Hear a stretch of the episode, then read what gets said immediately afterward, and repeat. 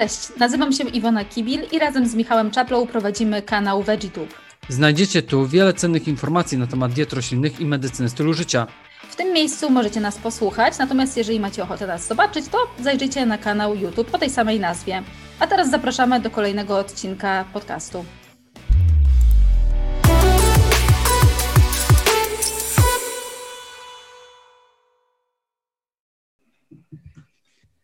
Dobry wieczór.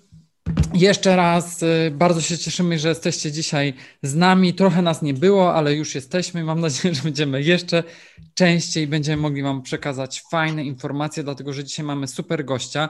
Już na pewno ją znacie, dlatego że już nieraz z nami była, czyli doktor Hashi Magdalena Obrzut. I dzisiaj tak. będziemy z Madzią rozmawiali na temat suplementacji w insulinooporności. Tutaj chciałem przypomnieć na wstępie, że już temat insulinooporności był na VeggieTubie poruszany. Mieliśmy super live'a z Małgosią Słomą, gdzie zapraszamy Was serdecznie, jeżeli chcecie sobie przypomnieć wszystko o insulinooporności to live jest zapisane i możecie go śmiało oglądać bądź posłuchać na Spotify lub iTunes. A tymczasem dzisiaj zaczniemy nasz e, temat. Iwona, od czego dzisiaj zaczynamy? Tak, dzisiaj będziemy rozmawiać o suplementacji w insulinooporności. E, na temat suplementacji w insulinooporności, tak jak i samej diety, e, dużo mitów narosło. Także mamy pytanie do specjalistki naszej farmaceutki. Co jest takie najbardziej popularne? Jakie suplementy są najbardziej popularne? E, po co najczęściej e, pacjenci sięgają albo o co pytają w aptece najczęściej? Czy może Ciebie po prostu już bezpośrednio mm. przez social media? E, ja przede wszystkim serdecznie Was witam. Bardzo mi miło być po raz kolejny, bo to jest dla mnie zawsze ogromna, ogromna frajda tutaj z Wami rozmawiać. E, no i już nawiązując do, e, nawiązując do tematu, to mm, tak właśnie jak się przygotowywałam do tej rozmowy, to stwierdziłam, że muszę poruszyć dwie ważne rzeczy. Pierwsza to jest taka, że bardzo często pacjenci, którzy przychodzą po jakąś suplementację do apteki, e, mylą sobie troszkę mm, temat jakby cukrzycy i próby wyrównania glikemii właśnie z e, takimi suplementami wspomagającymi insulinowrażliwość, a druga to jest grupa pacjentów, która skupia się tylko na e, objawach tak naprawdę i szuka suplementów tylko, e, tylko takich, które będą redukować objawy, czyli mówię tutaj o przede wszystkim pacjentach, którzy skupiają się na redukcji masy ciała i takich suplementów szukają, niekoniecznie właśnie zastanawiając się nad tym, czy rzeczywiście im to pomoże na E, insulinooporność. Tak wydaje mi się, że to są takie podstawowe dwa, e, dwa problemy, czyli raz, mm, że szukanie może niewłaściwej grupy e, suplementów, bo przeczytano gdzieś, że taki surowiec, taki suplement będzie na przykład obniżał glikemię, a przecież nie do końca, czy w ogóle jakby nie o to chodzi. Jest. Przepraszam. Przepraszam najmocniej. Myślił, a mogłabyś pójść do taty, kochanie? Dobra. Przepraszam. W każdym bądź razie wracając do tych Tak, przepraszam najmocniej. Druga natomiast to jest... W ogóle się nie stresuj. Yy, właśnie. Czyli tutaj... Yy, tak, a, a druga, no to to jest jakby taki problem, który ja mam na teraz. E, z pacjentami, czyli, e, czyli właśnie te takie, powiedziałabym, pseudopreparaty bardzo często, bo to są takie składy, które no, e, pozostawiają wiele do życzenia, do życzenia, ale też jakby łapanie się tego, że to będą preparaty jakby suplementacja i suplementy to nie jest droga na skróty, bo często pacjenci przychodzą, wybierają sobie jakiś suplement i myślą y, poniekąd jakby chcą sobie ułatwić albo w ogóle jakby zastąpić całą mhm. resztę, a tak się po prostu nie da. Czyli nawet jeśli ja doradzam jakiś e, suplement y, w, w aptece, to no, y, zawsze dodaję, że to nie jest coś, co zastąpi dietę i wysiłek fizyczny, bo jakby bez tego mhm. nie da się nic. Więc wydaje mi się, że to są może no, mhm. nawet trzy takie podstawowe problemy, jakie mamy, jeśli chodzi o suplementację w insulinooporności. Czyli na początek też trzeba zwrócić, oczywiście, że trzeba na początek zwrócić uwagę na to, że bierzemy pod uwagę dietę, zmieniamy nawyki żywieniowe, wprowadzamy aktywność fizyczną, czy tam zmieniamy tą aktywność fizyczną. E, oczywiście e, jesteśmy albo leczeni e, pod okiem lekarza, albo jesteśmy tylko na tej właśnie samej diecie, a suplement opcjonalnie może być tutaj jakimś, jakąś taką opcją, którą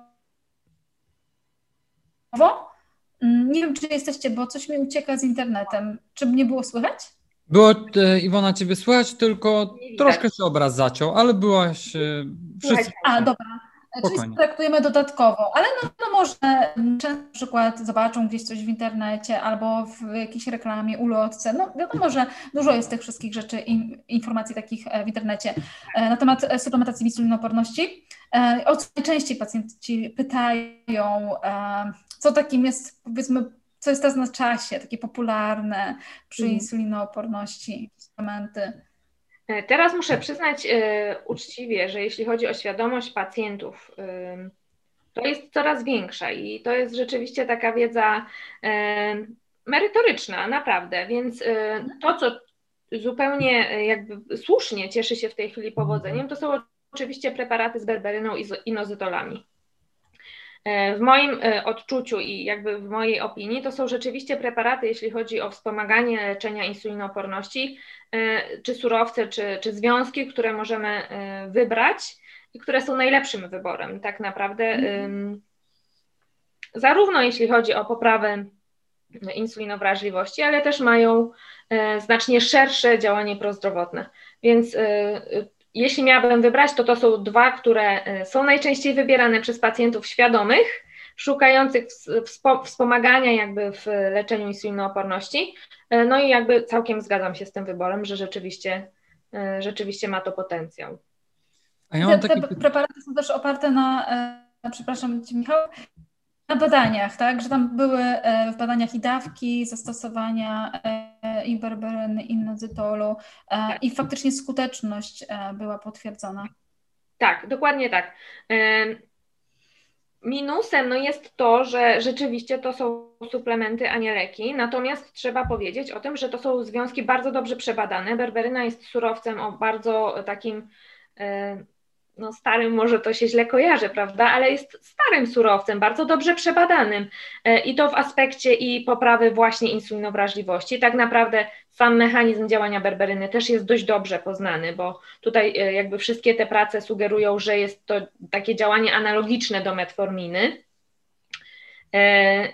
I z inozytolami mamy podobnie, czyli to jest związek bardzo dobrze przebadany. Jest to związek w ogóle, jeśli chodzi o zespół policystycznych jajników, rekomendowany przez Polskie Towarzystwo Ginekologiczne do suplementacji. Także to są związki, które mimo, że są suplementami, mają bardzo dobrze potwierdzone naukowo działanie. Magda, a ja mam takie pytanie, czy pacjenci wybierając e, suplementy diety także pytają o, o ich interakcje na przykład z innymi lekami, tak? Czyli na przykład wybierając barberynę, no musimy się liczyć z tym, że na przykład y, może wzrosnąć stężenie niektórych leków, tak jak na przykład statyn, albo na przykład y, mogłoby dojść do hipoglikemii jednocześnie zażywając metforminę i barberynę. I czy o to także ludzie pytają, czy zwracają na takie rzeczy uwagę? E, no tutaj ciekawa sprawa, bo tak naprawdę do apteki przychodzą pacjenci, którzy są już y, Y, może żeby dyplomatycznie wybrnąć z tego, co bym chciała powiedzieć, y, bardzo świadomi tego, czego chcą y, i czego oczekują i nie zawsze chcą jakby poznać moje zdanie. Natomiast jeśli chodzi o tą działalność taką moją, prawda, tutaj w sieci, to, to, są, to, to pacjenci są bardzo dociekliwi i bardzo często pytają rzeczywiście o interakcje i no, tematem w ogóle takim często poruszanym jest stosowanie suplementacja berberyny w połączeniu z metforminą to rzeczywiście tutaj bardzo często pacjenci, pacjenci o to pytają. Ja myślę, że tutaj warto powiedzieć przy okazji, żeby po prostu tak, że jeżeli nie mamy czasu bądź ochoty porozmawiać z farmaceutą, bądź poszukać informacji, żeby po prostu kartę charakterystyki danego produktu tak, oczywiście. jest przeczytać, prawda? Tak. E, nie wiem, mi coś przerwało. Nie, nie słyszałam do końca e, waszej, waszej konwersacji, ale czy ty, Madzia, może poruszałaś e, to, jakie dawki berberyny działają faktycznie w badaniach? Um, tak. Badania są oczywiście jakby na różnych dawkach. Uważa się, że ta dawka. Takiego ekstraktu standaryzowanego, prawda? Coś nam Iwona Coś nam Iwona jednak przerywa trochę. No, przepraszam. Tak, chodziło ci o, o dawkę e, berberynę. Tak, jakie dawki zazwyczaj są, tak, jakie dawki byś polecała stosować, jeżeli już, no wiadomo, że to wszystko pod kontrolą e, indywidualnie, no ale jakie dawki faktycznie działały, bo e, w jednej tabletce mamy około zazwyczaj chyba tam 400 do 500 maksymalnie miligramów, tak. miligramów. Mhm. Na dobową maksymalną dawkę y, berberyny uważa się 1500 mg, ale to jest dawka taka absolutnie maksymalna. Y, w mhm. preparatach, tak jak mówisz, tak naprawdę jeśli chodzi o rekomendacje producenta, to jest jedna tabletka na dobę i to jest w okolicach 500 mg. Natomiast to jest sprawa bardzo indywidualna. To jest tak jak, jak no właśnie, wracając troszkę do tej metforminy, prawda? Czyli tutaj też nie ma jednej standardowej dawki, to jest bardzo indywidualna sprawa, do, którą dostosowuje lekarz do wyników, to tutaj poszłabym też w tym samym kierunku, że raczej dobrze jest to dostosować indywidualnie. Czyli tak, to... ta wyższa dawka też będzie e, te problemy jelitowe na przykład e, tak. może nasilać, więc tutaj tak... Powodu pokarmowego jak najbardziej. Tutaj też było w e, kilku publikacjach takie stwierdzenie, powiem szczerze, nie udało mi się go jakby tak solidnie w żadnej um, ostatecznie potwierdzić, mhm. na temat kumulowania się, potencjalnego kumulowania się berberyny E, więc e, mimo tego, że jest to surowiec bardzo dobrze przebadany, to o tych działaniach niepożądanych powiedziałabym, że jeszcze może mm, z czasem dowiemy się trochę więcej. Natomiast. E, natomiast... Zwłaszcza, że dużo badań jest jakichś chińskich, które nie były przetłumaczone na język angielski tak, w przypadku tak, berberyny, więc tak. mamy drobny tak, problem. Oczywiście. Jest to jakby tradycyjny surowiec, więc no nie, no nie dziwię się, że jest tyle chińskich badań, ale rzeczywiście jest problem. Na co zwracać uwagę przy zakupie takiego suplementu? To musi być ekstrakt standaryzowany, prawda? Tak, najlepiej w ogóle, jeśli wybieramy jakikolwiek preparat, który zawiera surowiec roślinny, to zawsze warto sprawdzać, czy jest y, standaryzacja. Standaryzacja to jest właśnie taki parametr, który mówi nam o tym, ile dokładnie substancji czynnej jest. Czyli nie, nie wystarczy nam informacja, ile jest w ogóle surowca w tym preparacie, tylko interesuje nas ta substancja czynna, która y, ma wywołać y, potencjalny efekt. Mhm. No właśnie, tutaj też jest taka pułapka, prawda? Efekt leczniczy mówimy tylko w przypadku leków, bo jeśli chodzi o suplementy diety, mówimy o takim uzupełnianiu naturalnych niedoborów, czy naturalnych, no uzupełnianiu osobniczych niedoborów, o tak. Myślisz, że, znaczy jak uważasz, że każda osoba z insulinoopornością e, ten inozytol powinna suplementować, czy, w jakiejś, czy jakąś dawkę wtedy się dobiera indywidualnie dla tych osób i raczej zalecałabyś suplementację wtedy, czy, e, czy to nie jest taki must have, że nie trzeba koniecznie?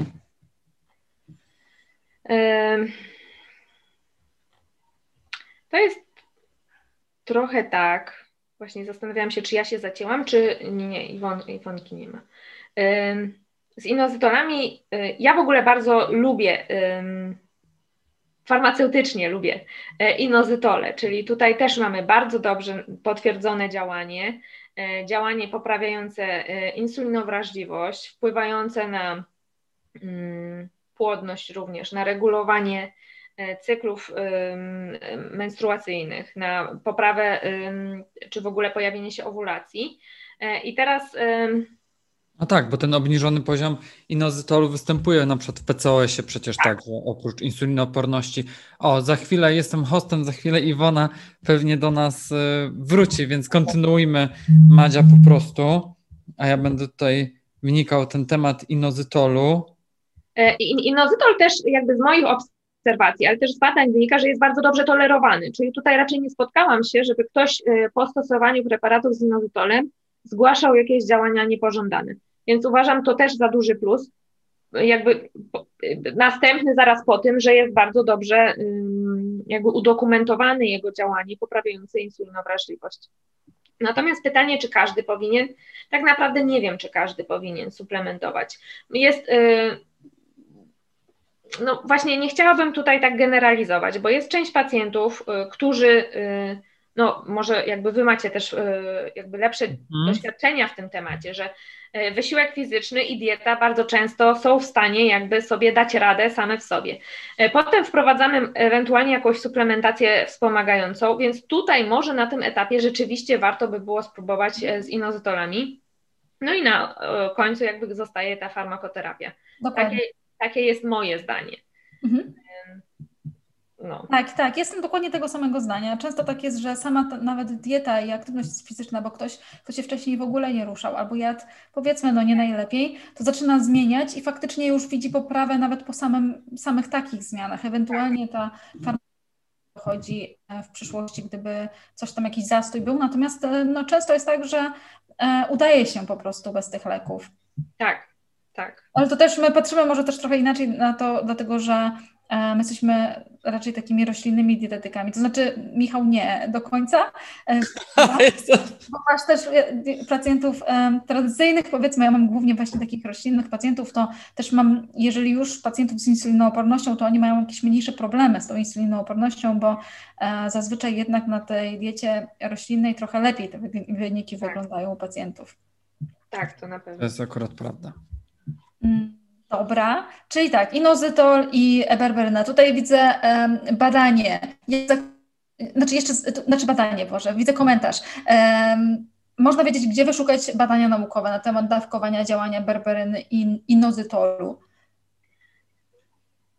PubMed jest doskonały. No właśnie chciałem to powiedzieć. Że... Tak, tak, powiedzieć od Magdy, ale tak, szukamy na, na PubMedzie, szukamy e, Medline, szukamy w jakichś różnych wyszukiwarkach badań naukowych, e, wpisujemy tam w wyszukiwarkę właśnie e, daną rzecz, która, nas interesuje, możemy tam sobie dobrać, czy chcemy badania na ludziach, na zwierzętach, jak stare te badania chcemy, czy na przykład sprzed roku, sprzed pięciu lat, dużo, dużo, e, o, możemy wybrać też, czy chcemy metaanalizy, takie, czy badania jakieś um, przeglądowe, czy chcemy jakieś badania e, eksperymentalne dobrać, po prostu łatwo jest mhm. tam. Ja myślę, że jak ktoś ma problem w poruszaniu się w PubMedzie, bo to nie każdy musi umieć, to zawsze na przykład tak jak na Vegetation czy u dr Hashi na, na blogu jest jakiś temat poruszany, to zazwyczaj zawsze poniżej tego tematu jest literatura i na przykład te badania naukowe e, są także podane, więc wtedy bezpośrednio można praktycznie link czy nazwę także ściągnąć, jeżeli akurat na przykład w tym temacie coś jest. To tak przyszłościowo także.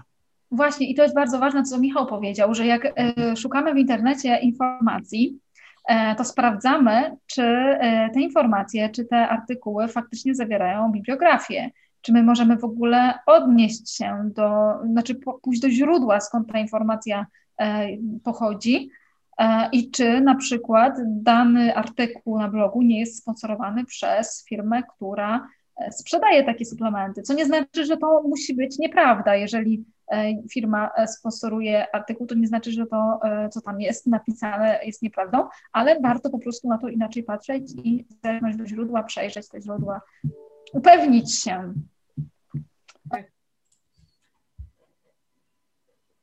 Chyba Iwona znowu zniknęła. Tak, z tymi firmami to trzeba e, także ostrożnie patrzeć z tego względu, że to nie jest zawsze tak, że my chcemy, że to badanie jest złą intencją, bo to firma zrobiła, więc na pewno tak wyszło, tylko też często po prostu te firmy e, dają granty dla naukowców na badanie jakichś zjawisk, leków, suplementów diety i tym podobne. Dlatego czasami po prostu takie badanie może być opisane jako właśnie finansowane przez i na przykład tam daną jednostkę, w której znajduje się, która sprzedaje na przykład taki suplement i tym podobne, więc zawsze na to trzeba spojrzeć ostrożnie i może bardziej się wczytać, tak, tak, tak. ale to też nie znaczy od razu, że to badanie jest na pewno złe, dlatego że to na pewno płaciła za nie firma. Niestety no, finansowanie nauki tak E, wygląda, więc czasem się tak zdarza. Jest Iwona, więc możemy co? E, przejść do następnego e, etapu. Mamy berberynę, mamy inozytol. Co teraz?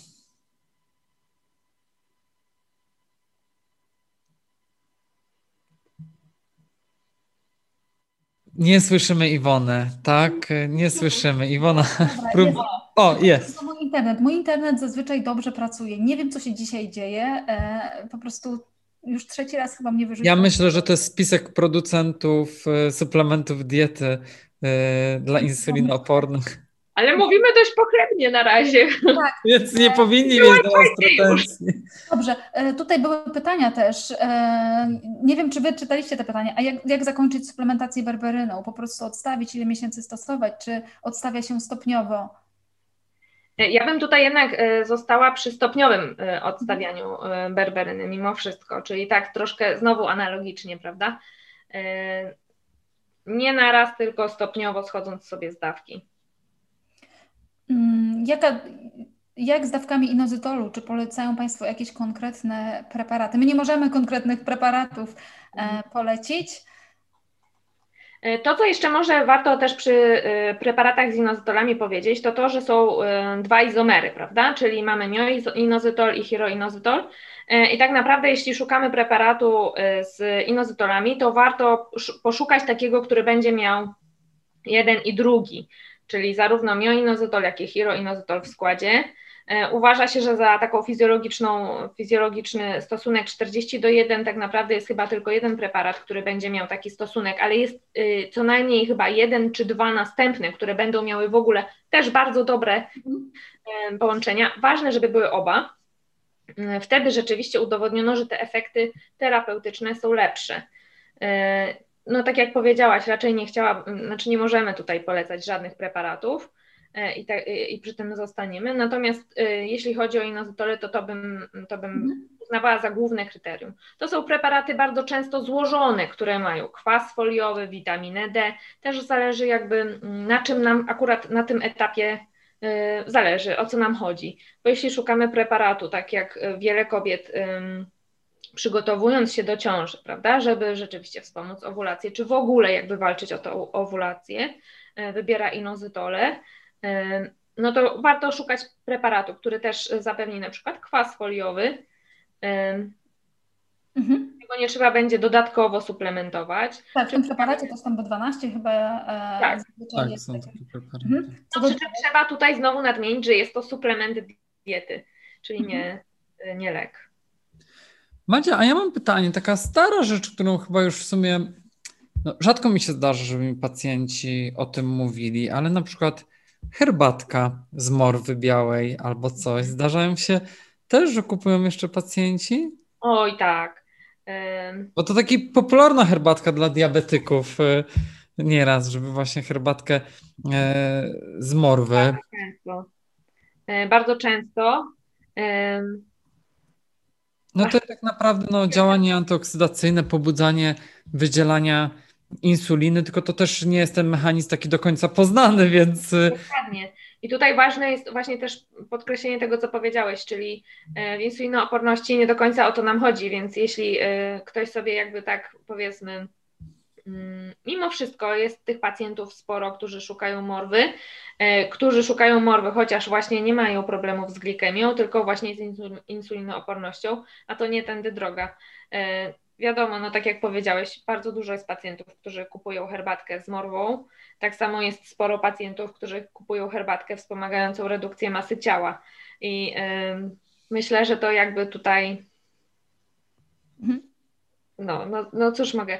Mogę jedynie powiedzieć, no, że cieszmy się chociaż z tego działania antyoksydacyjnego, czy w ogóle herbatki ziołowej po prostu. No właśnie, czyli jak ktoś sobie kupi, to zaszkodzić mu raczej nie, nie, nie zaszkodzi po prostu i może się napić.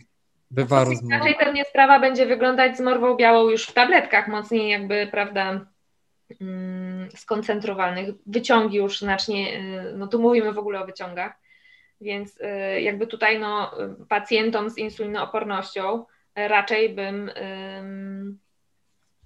zalecała ostrożność, prawda? Bo tak jak, tak jak mhm. wspomniałeś i rzeczywiście jest na to mnóstwo badań, czy ba te badania są takie, powiedziałabym, y, dość sprzeczne, bo część z badań podkreśla bardzo mm, skuteczną rolę morwy białej w wspomaganiu redukcji czy, czy leczenia w ogóle hiperglikemii, natomiast mówi o tym, że jest to kosztem podniesienia poziomu insuliny, więc no tutaj, no tutaj ostrożność jest chyba, jest mhm. chyba zalecana. Inny taki suplement taki polecany, popularny e, w przypadku problemów z cukrem e, to chrom. Mhm. Jak tam z tym chromem jest? Skuteczny jest? E, chromem. E, Chrom, jakbym tak zapytała pacjentów y, o chrom w aptece, to pierwsze skojarzenie to jest oczywiście to, że niedobór, znaczy nawet nie, że niedobór, tylko że w ogóle chrom y, i suplementacja chromu powoduje obniżenie y, łaknienia na słodycze. Hmm. I że to będzie panaceum na wszystko. Rzeczywiście jest, znaczy, no, no tak, są takie informacje, że niedobór chromu może powodować wzrost łaknienia na słodycze. I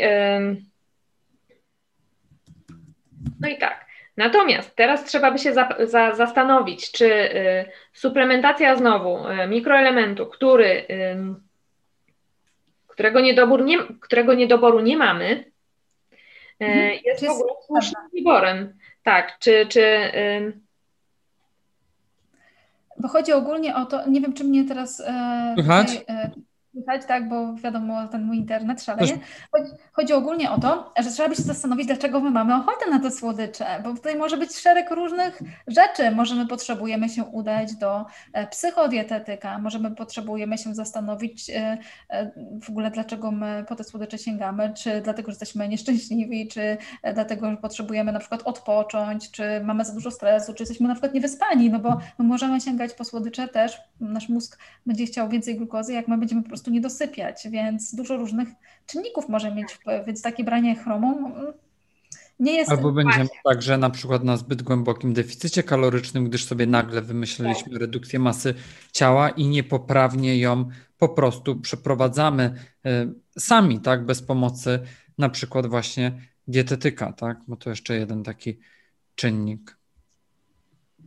E, okej. Okay. Czyli chrom ogólnie Sceptycznie, sceptycznie. Nie polecam. Nie polecam. E, dobra. E, kolejna rzecz, ponieważ tutaj były pytania przed naszą rozmową przez Instagram, czy w insulinoporności polecana jest suplementacja selenem? E, selenem. E, jest, są na przykład prace, które mówią o łączeniu selenu z mioinozytolem. Rzeczywiście, że tutaj jakby następuje synergizm, wzmocnienie działania E, mioinozytoli. Rzeczywiście też są prace, bo selen oczywiście, jak, trzeci raz oczywiście w jednym zdaniu, ale to nic. Selen, suplementacja selenu kojarzy się przede wszystkim z e, chorobami e, tarczycy, z chorobą Hashimoto. I tutaj są też badania, które mówią o tym, że mioinozytol może wspomagać właśnie, czy, czy suplementacja mioinozytolu E, razem z selenem może powodować spadek TSH, spadek przeciwciał e, przeciwtarczycowych e, i w tym kierunku jakby mogło, może, może mieć to sens. Natomiast jeśli chodzi o insulinowrażliwość, z tym selenem też jest w tej chwili troszkę, bym powiedziała, problem ze względu na taką powszechną suplementację, trochę niedostosowywanie dawek E, do potrzeb, e, co wynika z tego, że pacjenci nie sprawdzają poziomu selenu, jaki mają mhm. i tak sobie go na oślep po prostu w dużych, na oślep to jest brzydkie słowo, ale no tak, no tak jest, na chybił trafił, po prostu suplementują. Więc jeśli chodzi o selen, ja bym e, była ostrożna przede wszystkim jeśli chodzi o dobór dawki, czas suplementacji i w ogóle potrzebę tej suplementacji, czyli rzeczywiście zaczęłabym od tego, żeby sobie sprawdzić poziom selenu i dopiero mhm. wtedy wprowadzać ewentualną suplementację. Ja bym po powiedział, że po prostu niedobór selenu w Polsce jest y, dość powszechny, więc tak naprawdę y, insulinooporność nie jest przyczyną i mhm. nie, nie, powinna być przyczyną tego, że my chcemy brać selen, tylko tak. ewentualnie zbadanie e, jego po prostu poziomu. Czyli nie ze względu na insulinooporność, tylko po prostu na niedobór selenu. Czyli mamy, nie, czujemy, że mamy niedobór selenu, wiemy, że mamy za mało selenu w diecie. E, no, możemy mieć za mało selenu, jak mieszkamy w Polsce i ogólnie w Europie, dlatego że jest mało selenu w glebie. E, tym bardziej, jak jesteśmy na diecie roślinnej, możemy podejrzewać, że tego selenu jest mało. Badamy sobie stężenie, sprawdzamy, czy ogóle mamy się o co martwić i czy ta suplementacja jest nam potrzebna. Bo trzeba pamiętać też o tym, że selen w nadmiarze jest toksyczny, więc e, przyjmując duże dawki selenu i nie badając stężenia w organizmie i przyjmując przewlekle te duże dawki selenu, no można faktycznie sobie jednak zaszkodzić. I też um, są badania w przypadku osób, które e, mają problemy z cukrem, prawda, że e, jednak nasilają się te problemy w dłuższym czasie. Jak suplementują wysokimi dawkami selenu. Także trzeba ostrożnie, w zasadzie każdą suplementację ostrożnie dobierać indywidualnie, natomiast takie składniki, które gromadzą się w organizmie, to już na pewno. Tak. No tak, dlatego że ten selen może chociażby destruktywnie na komórki beta trzustki po prostu tak. działać, więc tak naprawdę zbyt duża podaż suplementów selenu bez badania i bez zaplanowania tej suplementacji, to może nawet w drugą stronę może być przyczyną insulinoporności się okazuje, nie? Ale tak, jak mogę tylko y, jeszcze dodać jedno zdanie, bo tak mi się nasunęło na myśl, jak mhm. słuchałam Iwonki, że Iwonka tak y, powiedziała jedną y, ważną rzecz, że o tej racjonalnej suplementacji, bo czasem odnoszę wrażenie w aptece, że pacjentom wydaje się, że jeśli coś jest bez recepty, to jest tak naprawdę takie, wiecie, troszkę słabsze w działaniu, takie nie zaszkodzi na pewno, E, że suplementujemy się e, dużo, wieloma rzeczami, nie zwracając uwagi na połączenie tych rzeczy, bo jeśli jakby to jest dostępne tak po prostu, to nie można sobie tym zaszkodzić. No właśnie nic bardziej, e, nic bardziej mylnego i selen jest dobrym przykładem mm, takiego preparatu. No. Mieliśmy jeszcze, jakie jeszcze preparaty Madzia są stosowane przez pacjentów? Jakie jeszcze kojarzysz? Bo jeszcze sobie zobaczę, jakie były pytania. A może jeszcze, może ja zapytam, może o prebiotyki i probiotyki. Tak. E, probiotyki. No bo tak czy nie? Czy od razu, jak pacjent ma insulinooporność, to stosować probiotykoterapię, czy, czy to jest wymysł dietetyczno-lekarski, czy po prostu internetowy? E, a jakie jest Wasze zdanie na temat probiotykoterapii? Bo powiem szczerze tak, moje zdanie nie jest, yy, znaczy tak, no jakby to może. Yy,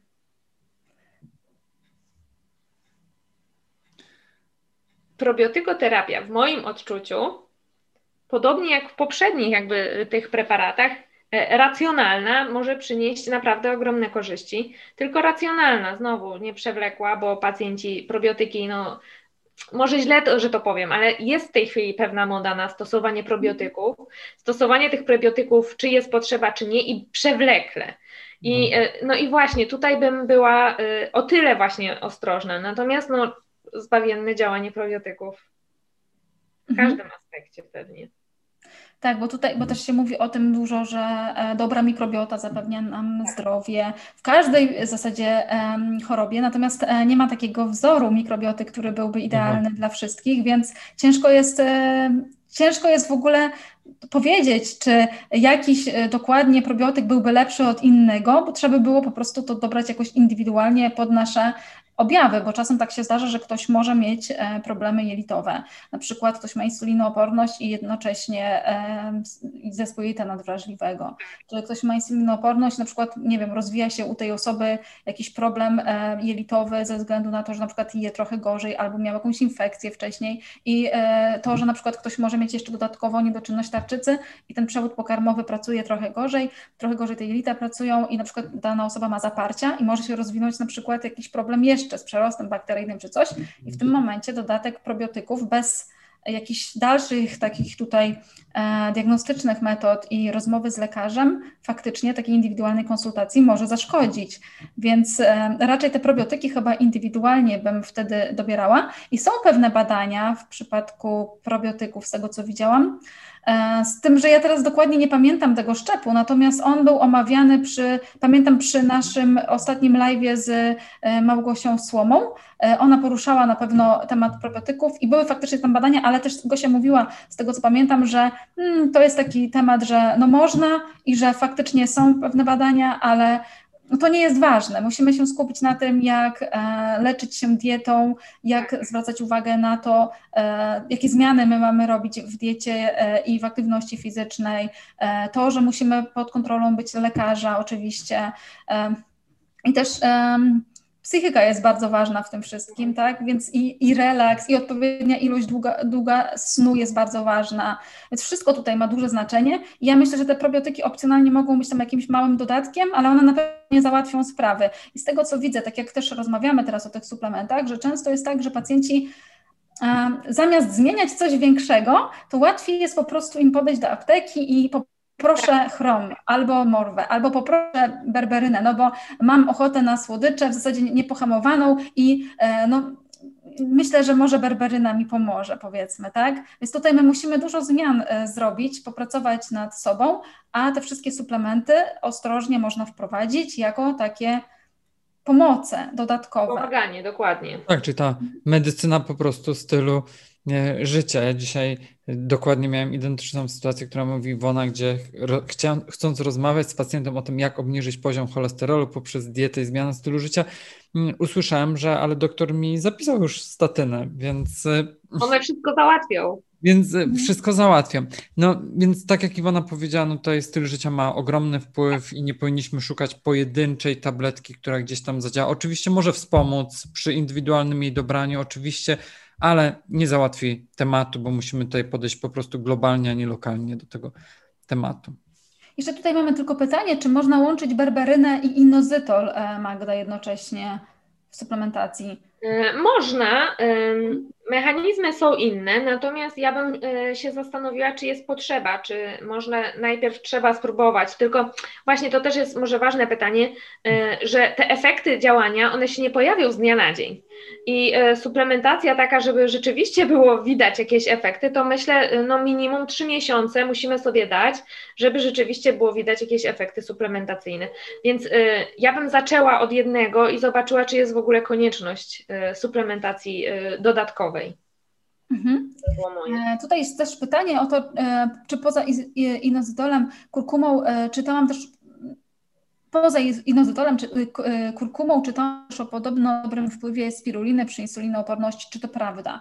Szczerze mówiąc, ja nie znam takich danych. E, może Okej, okay, bo o spirulinie mm, to takiego olejku CBD jest e, chyba już bardzo dużo i mitów i dużo takich e, artykułów w internecie, więc ja myślę, że bym bardzo ostrożnie podchodziła do tego, bo trzeba się zastanowić, czy my w ogóle potrzebujemy tej spiruliny. Wiadomo, ona jest źródłem na przykład jodu trochę może zawierać i e, żelaza. Natomiast e, na ile ona jest w ogóle potrzebna, bo my możemy żelazo też brać z innych produktów, a w przypadku diety roślinnej spirulina też może blokować przyswajanie witaminy B12. Więc trzeba się zastanowić, na, na ile my ją musimy e, suplementować, a jeżeli ją suplementujemy, to trzeba pamiętać też o tym, że nie powinno się jej łączyć z niektórymi suplementami, jak na przykład właśnie z tą B12. E, dobra, tutaj mamy jeszcze, jeszcze pytanie o konkretne e, preparaty, także, e, także jak mówiłeś, mówiliśmy wcześniej, to my konkretnych preparatów tutaj nie, nie możemy jakoś tam specjalnie oceniać e, na wizji, bo e, tak tutaj też Magda nie może z racji swojego mhm. zawodu. No ja myślę, że też w przypadku suplementów trudno czasem ocenić, bo jeżeli chodzi tam na przykład o substancję główną tego suplementu czy, czy coś, jeżeli mamy kilka rodzajów, to ok, ale tak naprawdę musimy tutaj pamiętać o tym, że jednak suplement nie jest tak regulowany na rynku jak lek, czyli tutaj mamy sugestie, producent y, podaje, jaka jest tam dawka danego preparatu, substancji czynnej i tym podobne. No i my nie jesteśmy też w stanie oczywiście tego zweryfikować, czy ten suplement to zawiera. My możemy popatrzeć na, na skład, czy zgadza się, czy chcemy właśnie, nie wiem, metylo, czy cyjanokobalaminę i tym podobne, na przykład przy B12, ale czy ten suplement konkretnie jest dobry tej firmy, to jest naprawdę bardzo ciężko ocenić, bo w laboratorium nie siedzimy i tego nie oceniamy niestety. Ale czasem by było fajnie może. Tak.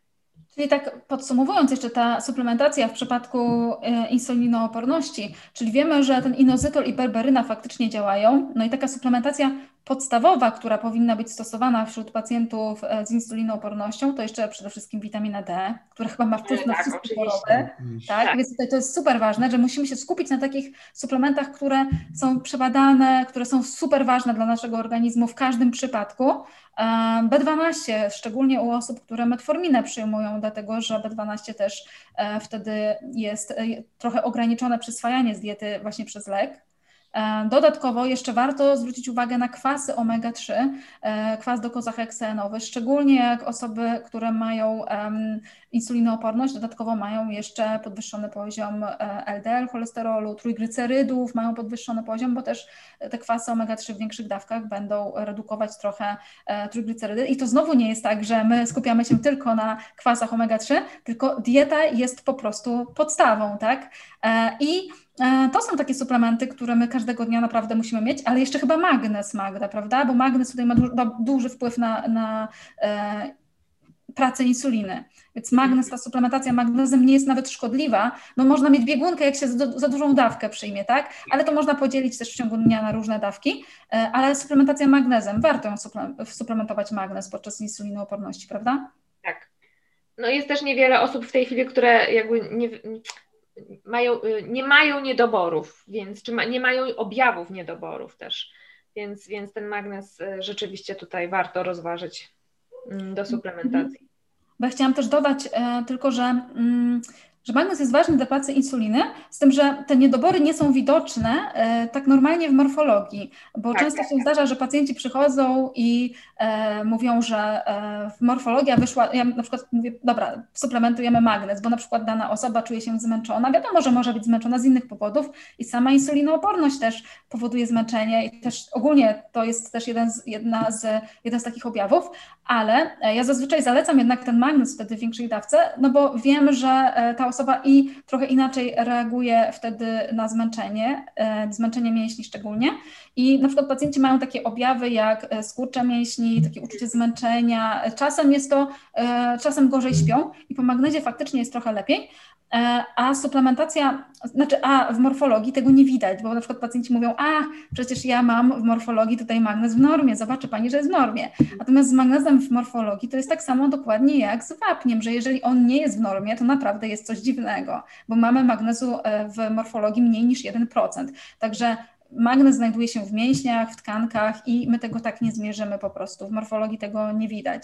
Także ta suplementacja magnezem jest bardzo ważna i w sumie to dobrze też jest wybrać odpowiednią formę. Chyba najlepsza forma to będzie mleczan i, i cytrynian, prawda? Chociaż jeszcze chyba jabłczan będzie się dobrze. W ogóle te organiczne połączenia są najlepiej e, przyswajalne, więc tutaj tak, jak najbardziej. Trzeba zwrócić bardzo uwagę na to, jakie, e, jakie formy bierzemy, bo czasem te najtańsze suplementy w aptece e, mogą być oparte na tlenku, co dla niektórych osób może być dobry ten tlenek, ale głównie jeżeli my chcemy dostarczyć sobie więcej magnezu, no to tlenek jednak e, będzie zawierał bardzo niską przyswajalność e, magnezu, prawda? To połączenie z tlenkiem. Tak, serce mi krwawi, przyznam szczerze, za każdym razem jak właśnie e, nie uda mi się przeforsować magnezu w organicznym połączeniu, no i jeszcze oczywiście leku, a nie suplementu diety. No Więc, właśnie. No, tutaj Ale tak. problem... też warto zwrócić uwagę, że w przypadku witaminy D czy magnezu możemy właśnie mieć lek. Tak, ale wiecie co, muszę Wam powiedzieć z mojej praktyki takiej, bo mam dużo pacjentów z tężyczką, e, muszę Wam powiedzieć z mojej praktyki, że ja nie przepisuję nigdy leku magnezu, ale to tylko dlatego, nigdy nie zalecam, ale tylko dlatego, że te dawki są po prostu tak beznadziejne, że ten pacjent musiałby 8 kapsułek w ciągu dnia brać, a e, jak bierze suplement, e, to zazwyczaj to są dwie, trzy kapsułki, czasem w proszku jest to suplement. E, jest to po prostu łatwiejsze, bo magnezem w ciągu dnia trzeba w przypadku tężyczki na przykład zarządzać. I to jest tak, że on nie może być w połączeniu z wapniem, nie może być w połączeniu z cynkiem i trzeba go po, prostu nim tam jakoś zarządzać. Jak ktoś ma wapń w posiłku, to trzeba dwie godziny odstępu i te dawki trzeba rozdzielić, żeby nie wywołać biegunki albo jakiegoś tam podrażnienia wtedy w takich większych dawkach. Więc czasem tak się zdarza, zdarza, że po prostu, mm, że po prostu ja osobiście polecam jednak suplement wtedy, bo, bo jednak te dawki magnezu w lekach, e, w kapsułkach, no to są takie bardzo małe. Chyba nie ma takich e, leków, który by miał wyższą dawkę magnezu w jednej kapsułce, prawda? E, jest w tej chwili jeden preparat, który ma, powiedziałabym, wyższą niż. Jaką, jaka to jest dawka? Powiem, nie pamiętam, powiem Ci szczerze. Więcej niż 100 mg? chyba równe 100. Dobra, to wciąż na przykład by wychodziło 6 tabletek na przykład w ciągu tak. dnia. Tak. Tak, więc, tak, więc to jest wciąż tak, ale to wiesz, to zależy dla kogo, bo są osoby, które po prostu, bo wiesz, y, y, osoby z insulinoopornością nie muszą takich dużych dawek magnezu też brać, mogą wziąć mniejsze, więc wtedy już ten lek na pewno będzie dobry. Wystarczający, tak, tak. Na przykład dwa razy po dwie tabletki w dzień, na dzień. Po jednej. No biorąc pod uwagę e, ilość suplementów, które może przyjmować, e, jak się uprze, to może być to jednak kłopotliwe.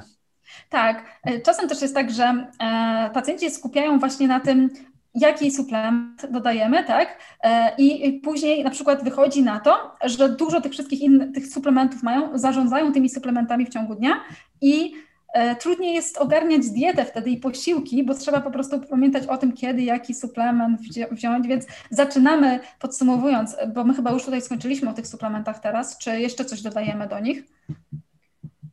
Ja już chyba... Nam, Nie, nam, myślę, że już...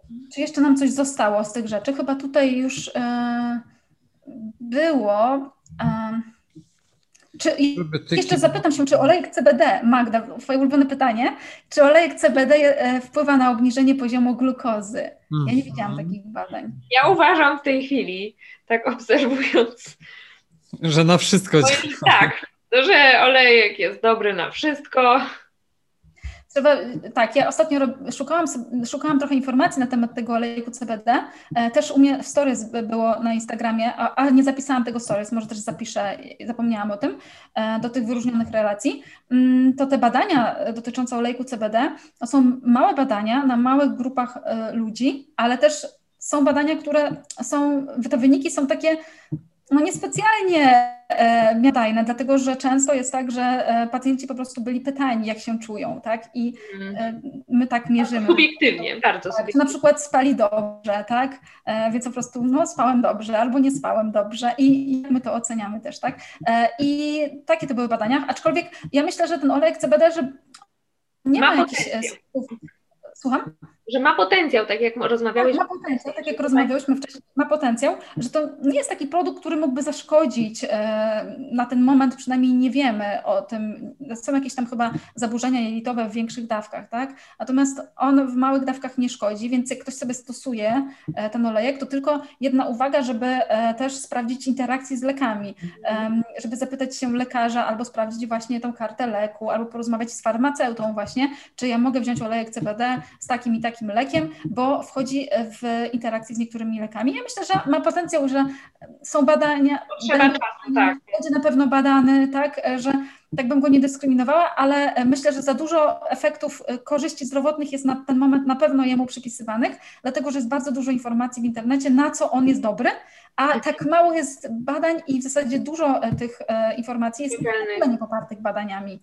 Tak, że może mieć jakieś tam, może mieć działanie w przypadku padaczki, e, może mieć działanie w przypadku osób, które mają problemy ze snem, ale też jak się pytałam e, na Instagramie osób, które tam e, śledziły mnie w relacji, no to większość nie odczuła żadnej poprawy po stosowaniu olejku. Może też dawki były źle dobrane, może był olejek zły, może jakieś inne czynniki tutaj miały znaczenie, bo to jest żadne badanie, to tylko moje pytanie osobiste do, do osób, które śledzą. Ale myślę, że potencjał jest, można śledzić, myślę, że badań będzie pewnie jakoś więcej, ale nie przypisywałabym mu tylu korzyści. Przepraszam, że się tak rozgadałam. Tak, tylu korzyści, jeżeli nie są jeszcze po prostu poparte tak. naukowo, no i tyle, bo. Tak. E, okej. Okay. Czy osoba chorująca na, na e, Hashimoto może się szczepić na COVID? E, znaczy, my nie możemy na temat szczepień się wypowiadać, ponieważ nie jesteśmy specjalistami w tym temacie. Natomiast bardzo zachęcamy do obejrzenia innego filmiku też na naszym kanale, dlatego że my tam mamy. Michał, ty prowadziłeś z profesorem. Tak, tak, tak. Na naszym VeggieTube jest oczywiście filmik z profesorem Filipiakiem, ale także w ogóle zachęcam do śledzenia profesora Filipiaka, dlatego że on tutaj odpowiada na wiele takich pytań tego typu, właśnie wymieniając jednostki chorobowe i tym podobne, jeżeli chodzi o szczepienia. No dzisiaj mamy suplementację w insulinoporności. Tak, ja tylko jeszcze dodam, że e, na pewno jest odpowiedź na to pytanie e, w tym filmiku, ponieważ ja go oglądałam, e, byłam na tym live i jest tam odpowiedź. Także zachęcam, bo nie chcę wyrywać tutaj nic z kontekstu. E, dobra, e, czy jest jakieś powiązanie między cynkiem e, we krwi a insulinoopornością?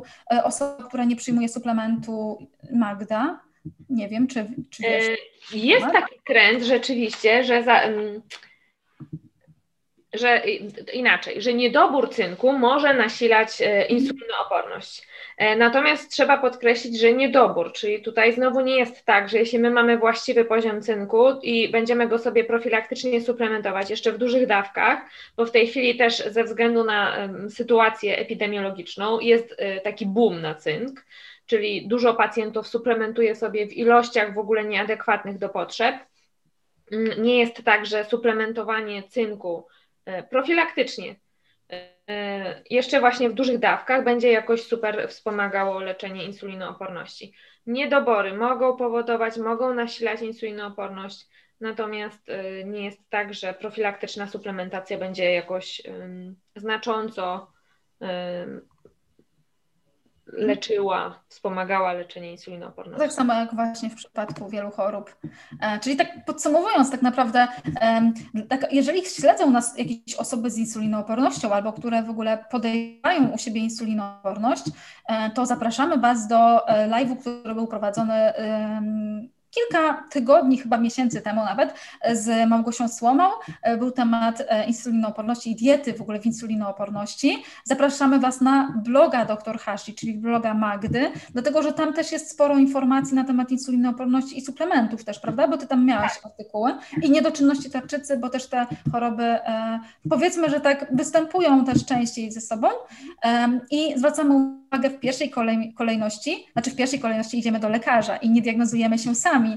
I e, nie, nie robimy tak, że diagnozujemy się, ok, mamy insulinooporność, bierzemy berberynę, przechodzimy na dietę, tak? Tylko idziemy do lekarza, e, przechodzimy przez diagnostykę, e, potem e, oczywiście zmieniamy nawyki żywieniowe, co może trwać długo i trzeba po prostu być cierpliwym i cierpliwie wprowadzać te różne zmiany. Czasem taka metoda wszystko albo nic, w zasadzie najczęściej ta metoda wszystko albo nic po prostu nie działa i jak ktoś dietetycznie dorobił się tej insulinoporności, po prostu jadł duże ilości e, kilokalorii w ciągu dnia, dość więcej przetworzonego jedzenia, no to często jest tak, że po prostu z dnia na dzień no, nie da się ograniczyć wszystkiego, więc po prostu praca wtedy czy z dietetykiem, czy z psychodietetykiem, um, bardzo jest potrzebna. E, I potem opcjonalnie jeszcze wprowadzamy sobie te suplementy po uzgodnieniu, wtedy też indywidualnie z dietetykiem, z farmaceutą, z lekarzem.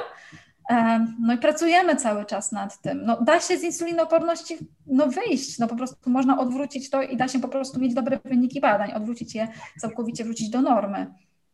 Tak. Jeżeli, no są dwie drogi, ja zawsze też pacjentom powtarzam, że są dwie drogi wtedy, że jedna droga to jest tak, że my pracujemy i, e, no i po prostu naprawiamy te wyniki badań, a potem już przez całe życie jednak trzeba ostrożnie podchodzić do tych wszystkich produktów, do diety, co nie znaczy, że nie można sobie od czasu do czasu pozwolić na coś e, mniej zdrowego, bo wszystko wiadomo, że tam e, możemy sobie jakoś tam tym zarządzać, ale są dwie drogi. No pierwsza droga to jest taka, że my możemy sobie powoli tutaj zmieniać te zmiany, i naprawić wyniki badań, a druga droga, no to jak nic nie zrobimy, to jednak przejdzie to jednak w inne problemy i insulinooporność e, może się z tego rozwinąć, cukrzyca typu drugiego, choroby układu krążenia, choroby nerek, e, nawet może to prowadzić do utraty wzroku, także zdarzają się takie sytuacje, więc po prostu trzeba się wziąć za siebie.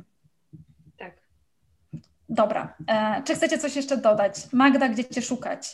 Gdzie Cię szukać? E, my, my, wiemy, gdzie Cię szukać, ale powiedz wszystkim osobom, które nas słuchają.